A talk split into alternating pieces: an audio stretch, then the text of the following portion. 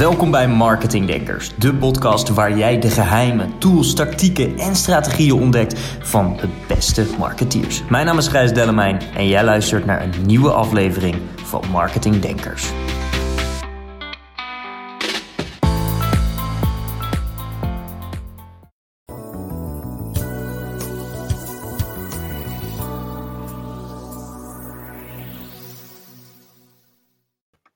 Als je grote dromen hebt, dan is de kans klein dat je het alleen kan. Je hebt een team nodig, een dream team. En stel je voor dat je nou het talent hebt gevonden. En dan wil je toch alles uit je team halen, maar ook uit jezelf. Om ervoor te zorgen dat jullie samen ja, briljante dingen kunnen doen. Vandaag een gast die exact weet hoe je dit moet doen. Iemand die dit al vaak gedaan heeft. Iemand die meerdere boeken heeft geschreven, die vertrouwd wordt door Uber, Shell, KPMG, McKinsey. Ga zo maar door. En zijn TED-talk is bijna 4 miljoen keer bekeken. Dames en heren, Paul Rulkens. Van harte welkom. Dankjewel, eh, Gees. Wat goed, wat goed dat u er bent. Uh, u helpt CEO's en, en, en, teams met high performance. Wat is high performance volgens u? Uh, dit, dit, is, dit is zoals ik high performance altijd definiëren. Dat is om alles te halen uit alles wat je al hebt. en wat dat betekent is uh, dat je naar de, de top 10% gaat uh, van waar je in opereert, je niche uh, of je mhm. professionele veld. Maar niet alleen eenmalig, maar dat je er ook systematisch blijft zijn. Dus het is eigenlijk sustainable, hè, zoals ik het zeg. Dat, dat, het is voorspelbaar, sustainable, om alles te halen uit alles wat je hebt. En eigenlijk dat je opereert in de top van, van waar je zit. Voor mij is dat high performance. Interessant interessant. En, en als we kijken naar uh, een, een, leuk, tenminste iets wat, mij, wat, wat we wel leuk vond, want vorige week stond er in het FD dat wij uh, als samenleving totaal maar liefst 4 miljard kunnen besparen als iedereen thuis zou werken. Dat is onderzoek van PwC was dat.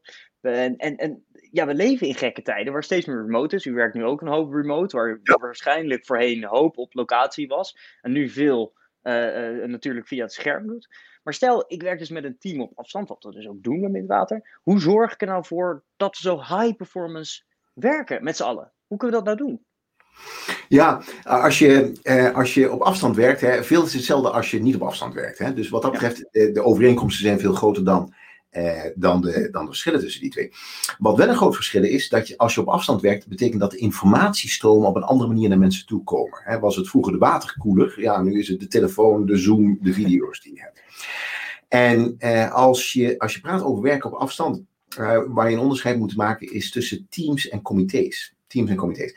En wat is een team? Een team heeft eigenlijk drie kenmerken. Een team heeft een gezamenlijk doel. Ze verliezen of winnen gezamenlijk en ze delen resources met elkaar. Dat is typisch wat we noemen een team. Een comité daarentegen, die kan een gezamenlijk doel hebben, maar in principe winnen of verliezen ze individueel. En in principe delen ze geen resources met elkaar. Nou, als je praat over high performance team, de truc is om, eh, ongeacht waar je staat, heb je nou een extreem comité of zit je wat meer naar een team, om meer een teamgevoel te krijgen. En dat doe je eigenlijk door drie dingen. Dat is eh, één, eh, helderheid. Helderheid om het doel. wat wil je met z'n allen bereiken? Een, een mhm. trucje die ik vaak toepas is, eh, als ik met, met teams werk. Even 30 seconden, pak pen en papier. Wat zijn de drie belangrijkste doelen van dit team voor dit jaar? En dan vergelijken wat mensen opschrijven. En dan zie je ook. En hoe vaak wijken ze af?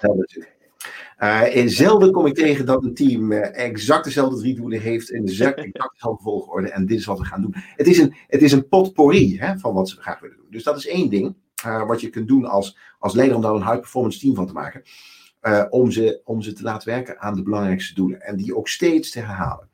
het tweede is, dat is het delen van resources. En delen van resources betekent dat op het moment dat je een doel hebt, dit willen we halen, hoe kan ik anderen in mijn team helpen om dit voor elkaar te kunnen geven? En als leider, probeer die conversatie ook, eh, ook aan te wakkeren. Eh, wat is het dat wij kunnen doen om uiteindelijk het doel te halen? Hoe kunnen we elkaar helpen? En de derde, je wint of verliest gezamenlijk. En winnen of verliezen of gezamenlijk eh, betekent dat het niet zo is dat de ene silo het redt en de andere silo het niet. Dan heb je een comité. En dat zie je vaak bij board of directors. Hè, dat de marketing director heeft bonus gehaald en de sales director dit jaar niet. Dat is typisch een comité. Als je naar een team toe wil, dan heb je een gezamenlijk doel. En de missie is om gezamenlijk het doel te halen. En als je het doel niet haalt, ook al haal je eigen silo-doelen, individuele doelen, dan heb je als team gefaald. Nou, als je dat erin zet als leider, dan zul je zien dat je ook remote teams uh, heel makkelijk naar high performance toe kunt brengen. En, en qua communicatie, hè, je noemde het eigenlijk al, de waterkoeler en het is nu Zoom, Slack, uh, WhatsApp, ga ze maar door. Heeft u ook echt, echt een, concrete tip voor mensen die zeggen van oké, dit is wat ik veel leiders en CEO's meegeef op het moment dat het specifiek hebben over bijvoorbeeld communicatie binnen de teams? Ja, de belangrijkste tip die ik daar kan meegeven is dat je moet realiseren dat er is een verschil tussen afspraken en verwachtingen. wat is een wat is een afspraak? Een afspraak is helder, is gezamenlijk, dus tussen mensen, is tijdsgebonden en er zit ook een escalatieproces in. Uh, met andere woorden, op het moment dat ik een afspraak met jou maak, Gijs, volgende week, dan lever ik dat rapport op. Mm -hmm. En het is volgende week, een dag voordat ik het rapport zou opnemen, opleveren. En het lukt niet. Er is iets tussen gekomen, dat kan. Wat doe ik dan? Ja. Hoop ik dan dat je het vergeet en dat ik ergens later iets naar je toestuur? Of bedoel ik het proactief, pak ik de telefoon zeg het lukt niet. Wat kunnen we samen doen om ervoor te zorgen dat je niet in de problemen komt? Hè? Dus dat is het escalatieproces. En als je die vier dingen hebt, dan heb je een afspraak. Als je ze niet hebt, dan heb je een verwachting. Heb je een verwachting. En een van mijn belangrijkste tips naar, naar leiders van high performance teams is zeker als je op afstand zit, om echt te sturen op afspraken. Iedere keer als je een afspraak maakt, kijk naar die vier elementen. Uh, is het uh, helder? Is het gezamenlijk? Uh, zit er een tijdsaspect aan vast? En zit er een escalatieproces aan vast? En dat zorgt ervoor dat je als team veel meer kunt opereren als team. En ook naadloos met elkaar samenwerkt. Interessant, mooie woorden. En, en u werkt veel samen met, met Tibor van Tibor.nl. En iets wat ik hem ook wel eens heb horen zeggen, en Mark Tichelaar uiteraard ook, want het zijn, ja, het zijn boek uiteraard, focus. Wat, wat, wat, als ik het woord focus zeg, waar moet, waar moet u dan aan denken? Uh, voor, voor mij, focus is heel simpel. Er zijn een miljoen manieren om je doelen te bereiken, maar er zijn er maar een paar die je energie geven en het, het, het leuk maken om daar aan te werken. En dat is wat voor ja. mij focus is. Nou, hier is de truc van focus. De truc van focus is om uh, niet zozeer te kiezen welke manier is dat dan, maar om juist te stoppen met de dingen die niet helpen. Dus ze stoppen met de, de routes, de, de elementen, de, de activiteiten die uiteindelijk niet helpen om je doelen te halen. En dat is denk ik als je praat over leiderschap, als je praat over teams, je, je capaciteit om dingen te stoppen, strategisch te stoppen, uh, is gelijk aan de capaciteit om grote doelen te halen. Dus als je praat over focus, dan is voor mij focus is de, de capaciteit om dingen dus strategisch te stoppen en zo tijd en energie en geld vrij te maken om te werken aan de dingen die echt belangrijk zijn. En, en, heeft u een voorbeeld van, van iets waarvan u zelf, misschien iets wat u zelf gedaan heeft, waarvan je dacht van oké, okay, dit is echt iets wat we, nou moet ik hiermee stoppen. En dit ja. is een strategische keuze die ik moet maken. Ik heb, er, ik heb er al geld in gestoken, ik heb er al energie in gestoken, en misschien nog wel erger, veel tijd, maar toch moet ik hiermee stoppen. Ja, ik, ik denk een van de actuele dingen die ik, die ik nu zie, ook voor mezelf. Uh, een van de dingen die ik doe in mijn business is uh, uh, spreken. Hè? Ik spreek over de hele wereld. Ik ben een professionele spreker. Ja, dat is een onderdeel van mijn business. En toen COVID eigenlijk begon, was, was toch wel de drive. Waar, weet je wat, we kunnen een hele hoop van die, van die keynotes hè, die je doet, die kun je ook online doen hè, via, via de video. En daar was ik in eerste instantie wel enthousiast over. Laten we het eens proberen. Een aantal keren geprobeerd. Maar wat je ziet is dat je een hele andere dynamiek krijgt. Hè? Dus strategisch stoppen betekende voor mij, wacht even, dit is iets wat niet optimaal werkt. Wat kan ik anders doen om ervoor te zorgen dat het wel optimaal werkt? En wat ik nu doe, hè, op het moment dat ik online, uh, online werk, dan is het niet meer met een keynote mindset, maar is het veel meer met een training en een dialoog mindset. Uh, dat je uh, dingen dat je mensen hapklare dingetjes brengt, maar tussendoor ook tijd neerzet voor interactie en ze dan een week later of twee weken later kijkt wat heb je gedaan en wat werkt en wat werkt niet. En dan zie je dus dat het concept van de keynote is veel effectiever op het moment dat je daar een, soort training, een interactieve training van maakt in een aantal brokjes. En dat is voor mij strategisch stoppen. Om niet meer verliefd te worden op de keynote, maar ook om andere dingen te omarmen. Om nieuwe dingen te kunnen doen. Ja, ja want je doet een hoop mooie dingen. Je hebt meerdere boeken geschreven. TED Talk is uh, uh, erg goed. Zoals ik heb de introductie al zei, bijna 4 miljoen keer bekeken voor de mensen die net inschakelen. Dat is natuurlijk enorm. Um, wat is voor u als spreker en, en professioneel coach, hè, want uiteraard ook. Wat zou voor u goede marketing geweest? Dan zeg van oké, dit is voor mij, heeft dat echt geholpen. Daar krijg ik gewoon een hoop klanten door. Ja, uh, ik denk, uh, ik denk twee, twee uh, marketingtechnieken die, die mij in ieder geval enorm hebben geholpen. het eerste wat enorm helpt is om um, te gaan naar de plaats waar, de, waar ze houden van je werk. ga naar de plaats waar ze houden van je werk. Um, met andere woorden, begrijp goed waar je waarde creëert, hoe je waarde creëert voor je klant. En wat is het specifiek aan die klant wat interessant is voor die klant, wat jij doet. En uh, focus je op dat type klant uh, en negeer de rest. Hè. Stop met de rest. En dat helpt me enorm om, om als, een, uh, ja, als een lezer eigenlijk in te zoomen op mijn ideale klant. als je praat over mijn ideale klant, dat zijn vaak toch bedrijven, ondernemingen die het al, al heel goed doen en eigenlijk de volgende stap willen meenemen. Hè. Hoe worden de beste nog beter? die ook gewend zijn aan externe hulp. en die bereid zijn om met dingen te experimenteren, nieuwe dingen te doen. En als je die criteria gaat maken, dan zul je zien dat de niche, de, de vijver waarin je vist, die wordt heel klein. Van de andere kant, iedere keer als je er een hengeltje in gooit, dan gegarandeerd dat er een vis in zit. Hè, in, uh, om die termen ja. te spreken. Dus dat is marketingtechniek nummer één die mij enorm heeft geholpen. Het tweede wat mij enorm heeft geholpen is dat nou, als je zit in de informatiebusiness, en waar, ik, eh, waar ja. ik in zit, uh, met spreken, met coachen, met uh, strategie, uh, met, ook met consultancy. Um, de, de, de, de, het idee is om een kudde te bouwen, een kudde van enthousiaste mensen. Die houden van je werk, die engaged willen blijven met je werk. En wat ik heb gemerkt is hoe groter de kudde en hoe meer je ze kunt benaderen en helpen en informatie toesturen, uh, hoe makkelijker het is om uiteindelijk te kunnen marketen. En, uh, en dat betekent ook dat als je nieuwe producten ontwikkelt, dat het heel makkelijk is om die nieuwe producten binnen die, binnen die kudde enthousiastelingen, en dat is geen negatief woord, hè, kudde bedoel ik positief van, maar kudde van enthousiastelingen, om daar heel makkelijk dingen in te kunnen testen en nieuwe dingen te doen. Ja, ja dat, is een mooi woord. Dus ik noemde eigenlijk al uh, nieuwe producten. Hè. Um, wat is uw perspectief op um, verkopen voordat je iets hebt? Ah, verkopen voordat je iets hebt. Ja, ja. ja het, is, het, is iets wat ik vaak met mensen deel. Dan zeg ik, ja, maak alvast een pagina en, en ga het verkopen. Uiteraard duidelijk vermelden, pak als mensen het gekocht hebben om uh, de telefoon op te zetten. Of tenminste, uiteraard moet voor, vooraf duidelijk zijn als je een pagina maakt. Joh, dit is over twee maanden pas beschikbaar. Maar de, ik vind zelf de ultieme validatie van iets. Er zijn een hoop mensen die, die roepen en die, die schrijven je een fanmail bewijzen van. En die zeggen, ja, dit is hartstikke leuk en uh, het ziet fantastisch uit. Maar er zijn weinig mensen die daadwerkelijk centjes overmaken naar rekening. En dat is mijn inziens wel ultieme validatie. Ik ben even benieuwd hoe, hoe u als expert daar naar kijkt. Ja, uh, hier, is, uh, hier is het ding. Uh, ik denk dat je nooit verkoopt wat je nog niet hebt. je hebt het al. Het punt is alleen, het zit vaak tussen je oren. En, en dus om het uit je oren, uit je oren te brengen. Um, verkoop wat je niet hebt is een hele effectieve methode om je energie in te zetten naar datgene wat de markt nodig heeft, waar de mensen om vragen. Uh, dus wat dat betreft, het, het, testen, hey, dit is, dit is wat, wat, uh, wat ik nu kan aanbieden. En het is over één of twee maanden beschikbaar. Zolang je weet, en dat is ethisch, hè, zolang je weet dat het over één of twee maanden ook beschikbaar is, het zit in je hoofd, het moet er alleen uit, is dat een hele effectieve manier om je energie en je focus, om die goed neer te leggen op datgene wat de markt nodig heeft. En uh, ik denk dus, ik ben er ook wel een, een fan van. Uh, om, om zo dingen te testen. Want te vaak hebben we meegemaakt dat we dachten, nou, dit is een fantastisch idee. Je gaat er heel veel energie in stoppen, je werkt het uit, je lanceert de website en er gebeurt helemaal niks. Hè, omdat het toch ja. niet zo'n idee was. Ja. ja, dat is leuk. Ja, en herkenbaar overigens. Um, je, je, ja, je bent consultant en spreker, bedrijven als Uber, Shell, uh, ga zo maar door. Echt enorme bedrijven die snel groeien. U noemt al, hè, die, die, die, die al het goed doen en naar een volgend niveau willen. Als we daar naar kijken, u ziet een hoop bedrijven van binnen en van buiten. U ziet het daadwerkelijk problemen. Wat zoals u nou, ik snap dat het niet alles kan verklappen, maar wat is nou echt het verschil tussen bedrijven die hard groeien naar extreem hard weten te groeien? En een hoop bedrijven die misschien maar in het hamsterwiel rond blijven rennen. En maar ja, blijven vechten.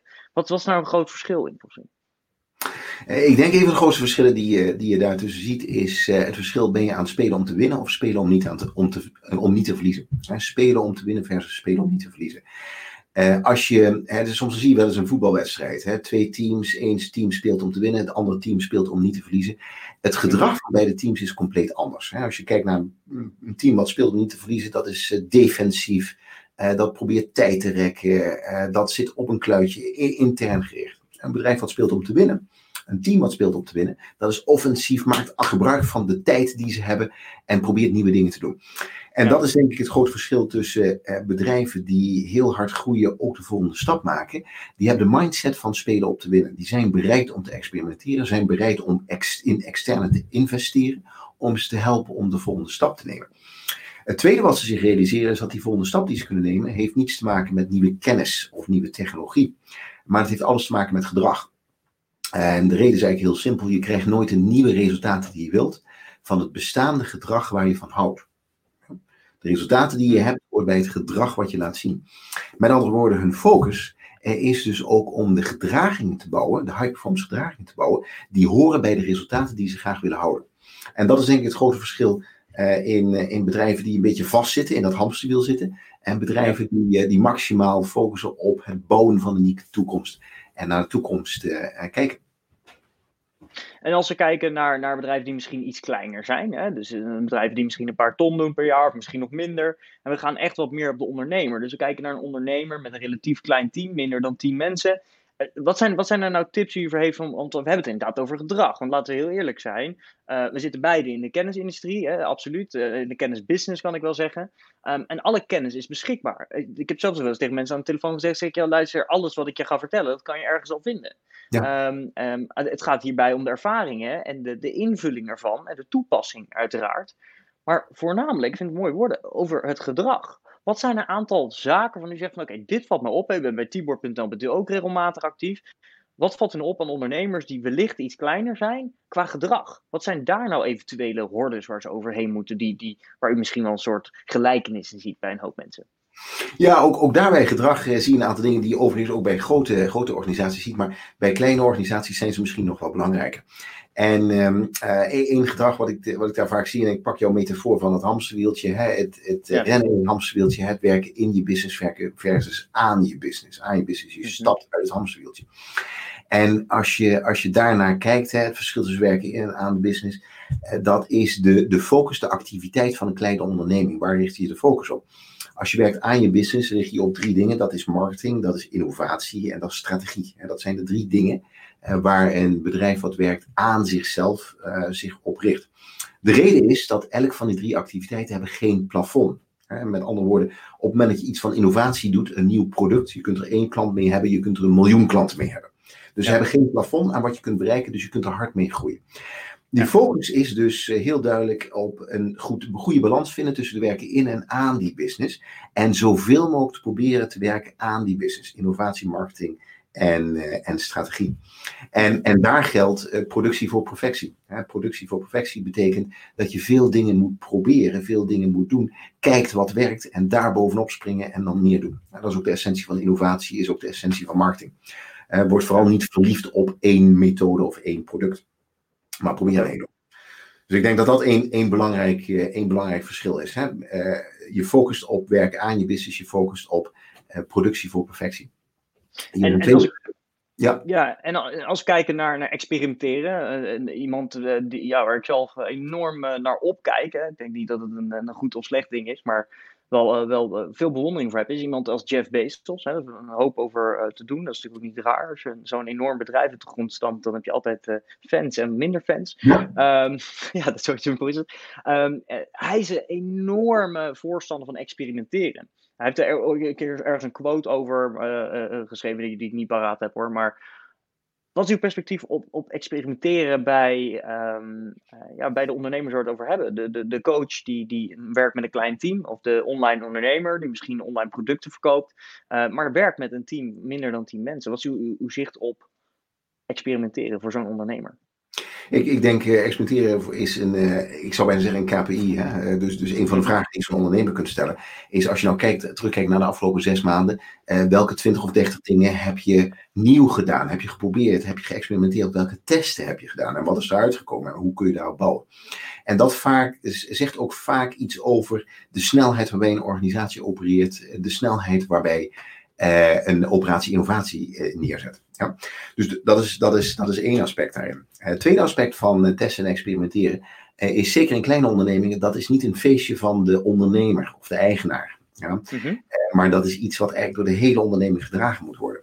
En dat is een concept, hè, dat, dat noem ik extreem eigenaarschap. Extreem eigenaarschap. Het betekent ja. dat iedereen zich eigenaar voelt over het succes van de test, over het succes van het bedrijf. En dat ze de mindset hebben, hé, hey, ik, ik vind een weg of ik maak er eentje. En als je die mindset hebt, hè, dan zie je dat mensen uh, op een andere manier in het spel staan. En uh, veel meer eigenaarschap vertonen als het gaat om het oplossen van problemen. En ze go gooien niet over de schutting heen. Ze zeggen, nee, nee, oké, okay, wat kan ik doen om te helpen? Wat kan ik doen om te assisteren? En hoe maak ik een high performance team? Ja, en, en, daar, Ja, en, daarover, als, als we daar naar kijken, hè, wat, dat betreft is een business wat op een mooi, uh, mooi bordspel inderdaad, een metafoor.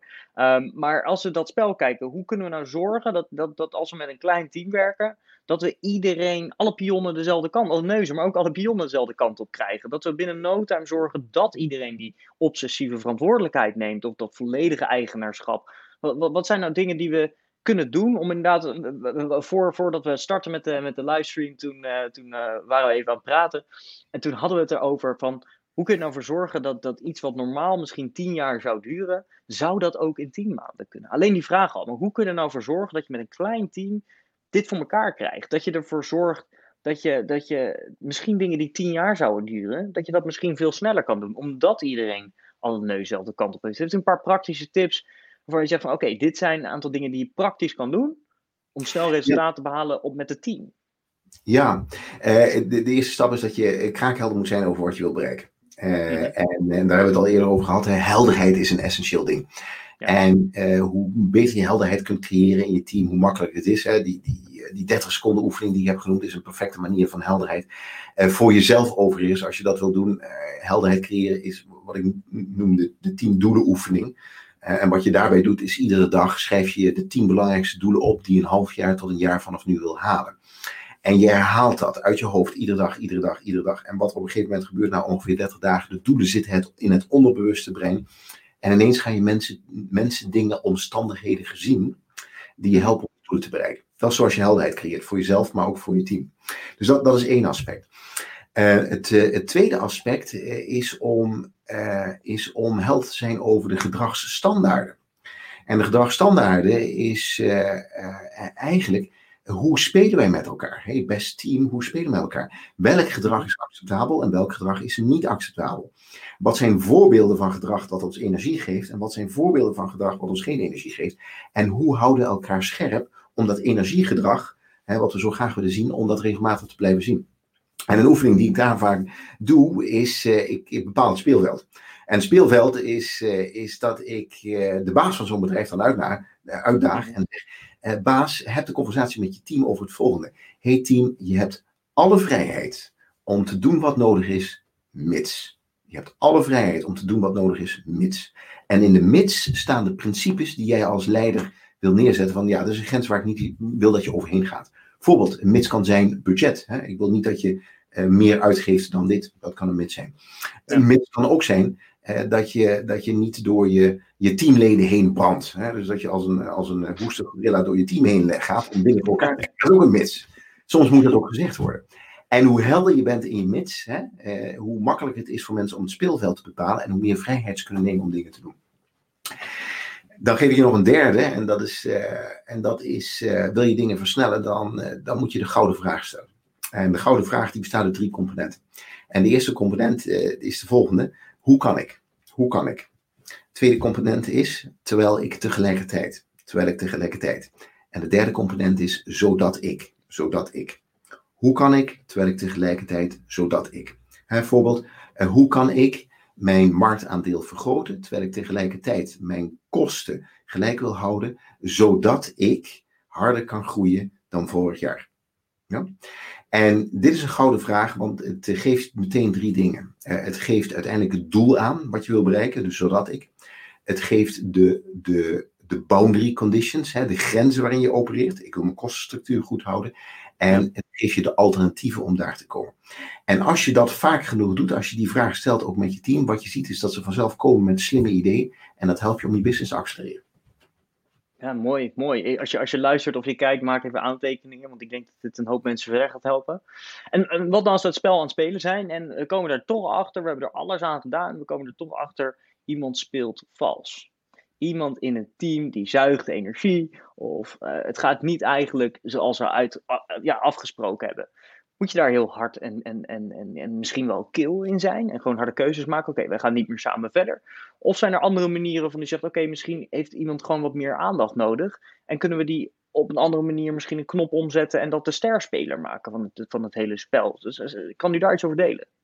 Ja, eh, dat, dat zou mooi zijn hè, als je, als je uh, mensen kunt veranderen in een, in een sterspeler. uh, dit is mijn ervaring. Um, je, je, op het moment dat mensen niet functioneren, dan heb je op, of een skillprobleem, hè, dus, dus je hebt geen bepaalde vaardigheden niet, of je hebt een, een mindsetprobleem, een attitudeprobleem. Mm -hmm. um, mijn ervaring is dat op het moment dat de vaardigheden niet zijn, dat het niet heel moeilijk is om mensen nieuwe vaardigheden aan te, aan te leren. in principe zijn alle vaardigheden businessvaardigheden die we kennen. Uh, die zijn te leren. Het kan wel een tijdje duren, maar in principe zijn ze te leren. Op het moment ja. dat het een attitudeprobleem is, uh, dat is uh, veel lastiger. Hè? Dat heeft te maken met karakter. En ik denk dat je als, als baas, maar ook als team ook de conversatie moet hebben. Waarom doe je wat je doet? Hè? Waarom doe je wat je doet? En ben je bereid om op een andere manier tegen de wereld aan te kijken? En als het antwoord nee is, of dat is lastig, dan, dan is de beste manier om afscheid te nemen van deze mensen. Het punt ja. is namelijk dat deze mensen altijd een anker zullen zijn voor de performance van jouw team op het moment dat ze een attitudeprobleem hebt. En eh, het helpt je team niet, zeker als het moeilijker wordt. Eh, dan is het het anker, dat wordt eh, extra uitvergroot. En dat wordt niet alleen een anker, maar dat, dat wordt vast in de haven en je komt nooit weer weg. Dus dan is mijn advies om, hoe pijnlijk het ook is, maar te kijken om afscheid te nemen van elkaar. En vaak is het ook in het belang van de individu, want die kan dan werken op een plaats waar die wel wordt gewaardeerd. Ja, ja mooie woorden, want ja, de individu inderdaad, je zei het eigenlijk al, het is natuurlijk wat mij opvalt uit het gesprek is inderdaad een hoop komt samen als team en er moet een hoop gefaciliteerd worden. Ik heb de indruk dat mensen inderdaad een hoop ruimte moeten krijgen. Uh, desondanks komt er ook een hoop neer bij de persoon zelf. Hè? Een hoop persoonlijk leiderschap, als ik het zo mag noemen. Uh, mensen moeten juist mindset hebben, juist attitude, uh, ja, obsessieve verantwoordelijkheid nemen, zoals ik het dan betitel. Um, en dat komt natuurlijk ook op neer dat je mensen misschien wel een beetje moet stimuleren erin. Mensen een beetje moet, moet uh, helpen met de juiste boeken bijvoorbeeld. En uh, ik, ik, ik, ik stapte net heel even weg en ik pakte hem eventjes. Dit is mijn persoonlijke uh, favoriet. Sam Walton, Made in America. Ik weet niet of u hem kent, waarschijnlijk wel. Um, voormalig mentor van Jeff Bezos. En de, ja, de brutale vraag, wat is nou een boek dat, dat iedereen volgens jou zou moeten lezen? Um, ik denk, en, en uh, ja, het is altijd heel lastig om, om te zeggen, hey, dit, zijn, dit zijn de boeken die iedereen moet lezen. Maar ik, ik, heb, er, ik heb er een aantal waarvan ik zeg van, hé, hey, dat, is, uh, dat is een interessante. Buiten um, trouwens het feit om, uh, voor de mensen die luisteren en kijken, buiten het feit omdat mensen natuurlijk het boek van, van Paul Rulkens moeten bestellen. Dat lijkt mij een gegeven natuurlijk. Ja, uiteraard, hè, daar staat alles in samengevat. Uh, ik, ik, denk, uh, ik, denk dat er, ik denk dat er uh, twee boeken zijn daar. daar de, dat is een enorm, enorm waardevol. Het, het, het opent de ogen. Het heeft in ieder geval mijn ogen op. Ja, drie boeken. Drie boeken die mij enorm heeft geholpen. het eerste boek is van Daniel Kahneman. Thinking Fast and Slow. Thinking Fast and Slow. En dat is een fantastisch boek wat eigenlijk beschrijft hoe wij denken en welke denkfouten wij maken in ons denken. En wanneer je dat hebt gelezen, ah, je herkent het bij jezelf, maar je herkent het ook in je team. En je kunt ja. je team dus helpen om op een andere manier te denken, op een andere manier tegen de wereld aan te kijken. Om zo nog effectiever te zijn in, uh, in wat je doet. Een fascinerend boek, mm-hmm. absoluut een eye-opener. Uh, het tweede boek, en ik pak er eentje uit, maar ik denk al zijn werk is uh, fantastisch, is Peter Drucker. Die Effective Executive. Die Effective Executive. En uh, in het boek Effective Executive uh, beschrijft uh, en, en hij was een denker uit de jaren 60, jaren 70, maar hij is nog steeds heel actueel. beschrijft de gedragingen, de ideeën die effectieve leiders, businessleiders, hebben. En het aardige is, wat hij schreef in de jaren 60 is zelfs meer actueel dan nu. Hè. Soms denken we, ja, we leven in een andere tijd, dus andere, hmm. andere, andere, andere paradigma's. En, maar wat je dus ziet is dat de basis hetzelfde blijft. En de truc is om die basis om die vast te houden. En dat is nummer twee. En, en nummer drie, uh, uh, Anti-Fragile. Anti-Fragile van Nassim Taleb. Veel mensen kennen hem van de Black Swan. maar Anti-Fragile, dat is de opvolger van de Black Swan. Waar hij, wat hij daarin beschrijft is eigenlijk een methodiek, een denken. om uit te gaan van, van hoe maak je iets stevig. Ja, hoe maak je iets robuust? Hoe maak je iets veel minder kwetsbaar ten opzichte van uh, allerlei uh, uh, problemen die op je afkomen. Hè? Dat hebben we de afgelopen maanden ook alweer gezien. En dat is een fantastische manier van denken die je ook kunt toepassen op je eigen, op je eigen onderneming. Waarbij je er eigenlijk achter komt dat wil je onderneming laten groeien. De truc is niet om allerlei dingen erop te zetten, maar om dingen weg te halen. Weg te halen die niet helpen high performance en niet helpen om je, om je doelen te halen. Dus ik denk dat, dat drie boeken zijn die ik absoluut zou aanraden aan iedereen om ze te lezen. Mooi, mooi. En wat, wat is een vraag die ik uh, in de afgelopen 30 minuten had moeten stellen, maar niet heb gesteld?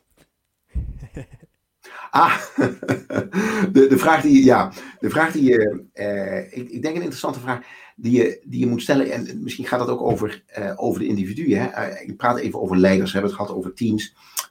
hoe stuur je een team aan? Hoe, hoe opereer je nu als, als teamlid? Hè? wat kun je doen als leider? Um, maar misschien dat er nog één onderwerp is, één vraag die, die interessant is voor, voor leiders van teams. En dat is namelijk wat een, een CEO, een teamleider, een executive, wat heeft hij nodig om de volgende stap te maken in high performance, hè, met zichzelf en met het team. Ja. En als je daar, daarover nadenkt, dat, zijn, dat zijn vaak niet vaardigheden. Hè. Mensen kunnen vaardigheden kunnen leren, of die kunnen ze inkopen, of die kunnen ze, kunnen ze, kunnen ze ergens krijgen, ook in een team. Dat is het niet, maar het issue is gedrag. Het issue is gedrag. Hè. Daar hebben we het al eerder over gezegd. En je krijgt nooit nieuwe resultaten die je wilt van het bestaande gedrag waar je van houdt. En als je nou kijkt naar het verschil tussen goede leiders en de beste leiders, hè, hoe de beste nog beter worden, dat heeft dus alles te maken met andere gedragingen. En de interessante vraag is, uh, welke, welke gedragingen hebben leiders nou nodig om die volgende stap te maken? En ook hier geldt weer dat het niet is dat je nieuwe dingen moet gaan doen, uh, maar de truc is dat je strategisch met stoppen met bepaalde gedragingen die je niet helpen om high performance te zijn. Dus je moet strategisch stoppen met gedrag. En ik noem dat uh, kryptonietgedrag. Kryptonietgedrag.